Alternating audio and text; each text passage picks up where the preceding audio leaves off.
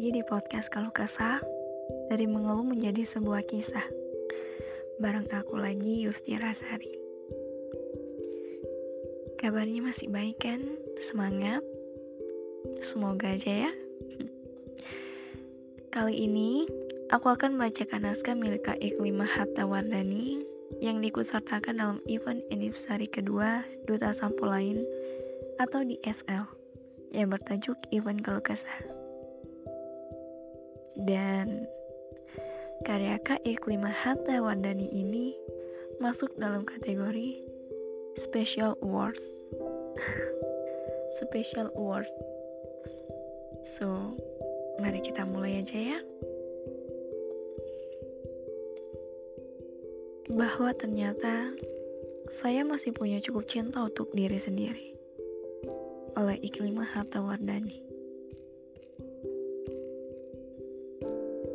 Memeluk diri sendiri sambil cup-cup, bilang, Gak apa-apa, kamu akan baik-baik aja kok. Belum jadi hal yang mudah buat saya. Tiap malam, riuh kepala belum berhasil saya tenangkan sendiri. Hari-hari rasanya self love bagi saya sekedar membaca buku-buku puisi, mendengarkan lagu, makan makanan yang saya masak sendiri, dan pergi tidur saat saya pikir saya sedang kacau dan sangat butuh. Saya baru sadar kalau mencintai diri sendiri ternyata bisa dari yang kecil-kecil begitu. Makan tanpa pegang handphone, benar-benar sadar dan ada untuk diri saya sendiri. Sesederhana juga saat saya menarik nafas dan bilang, pasti saya bisa lalui kok. Hal-hal kecil yang kalau saya baca-baca dari internet dan buku psikologi membuat saya merasa terus penuh. To the fullest. Saya masih ingin mencintai diri saya dengan waktu yang lebih lama lagi, meski cara saya masih sederhana sekali.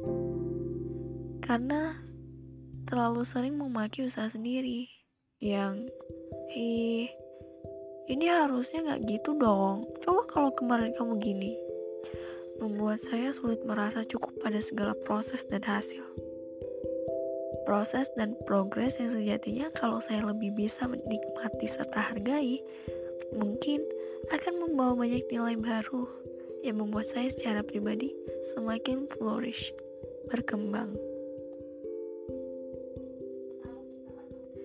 Beberapa waktu terjebak dengan pikiran-pikiran tidak cukup untuk siapa pun, bahkan diri sendiri membuat saya lelah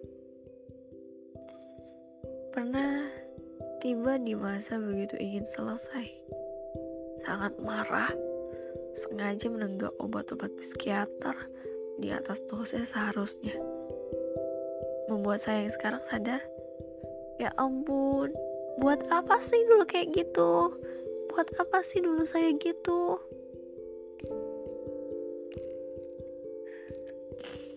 Akhirnya, sebodoh apa pun saya di masa lalu, saya tetap berusaha menerima kalau saya ternyata kuat bertahan sampai hari ini. Kalau ternyata saya masih cukup punya cinta meski tidak besar untuk diri saya sendiri. Hingga untuk hari ini dan hari-hari yang masih sangat panjang di depan, saya akan terus belajar bagaimana saya memelihara cinta itu sampai banyak dan terus beranak pinak karena saya pernah disadarkan oleh satu kutipan yang ingin saya bagi tapi saya kesulitan menemukan sumbernya sampai hari ini.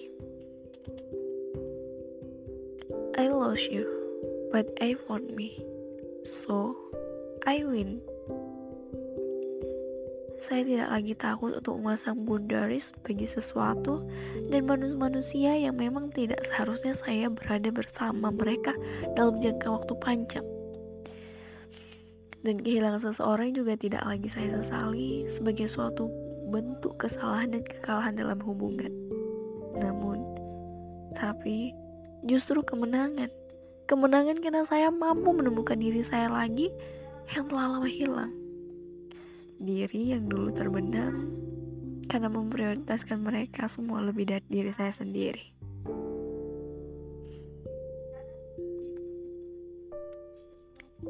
Dan begitulah akhirnya cerita Kak Iklimah Hatta Wardani.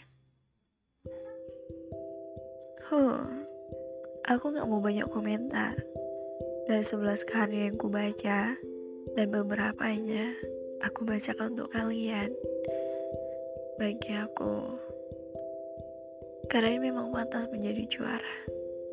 Isinya sederhana, penyampaiannya sederhana, hal sederhana apalagi yang bisa menciptakan kesan di orang lain. Iklimah tidak mengeluh tapi membagikan isi hatinya. Luar biasa ya kak. Jadi terima kasih buat yang udah dengerin.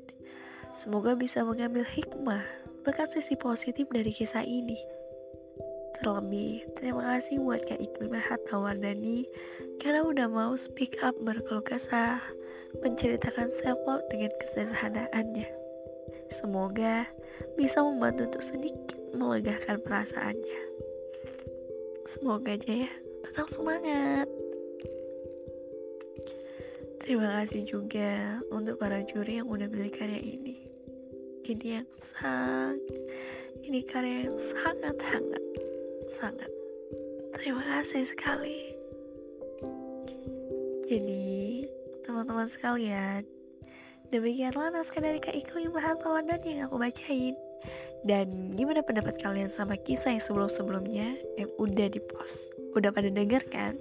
Mana favoritnya Selain itu, kalian juga harus jaga kesehatan. Berita soal Omikron, Corona, ah, udah gimana-mana kan. Jadi ingat selalu jaga kesehatan. Pakai masker, cuci tangan, jaga jarak, dan jaga daya tahan tubuh. Jangan sampai menurun. Seperti biasa, mau baca soal sponsor, oke? Okay?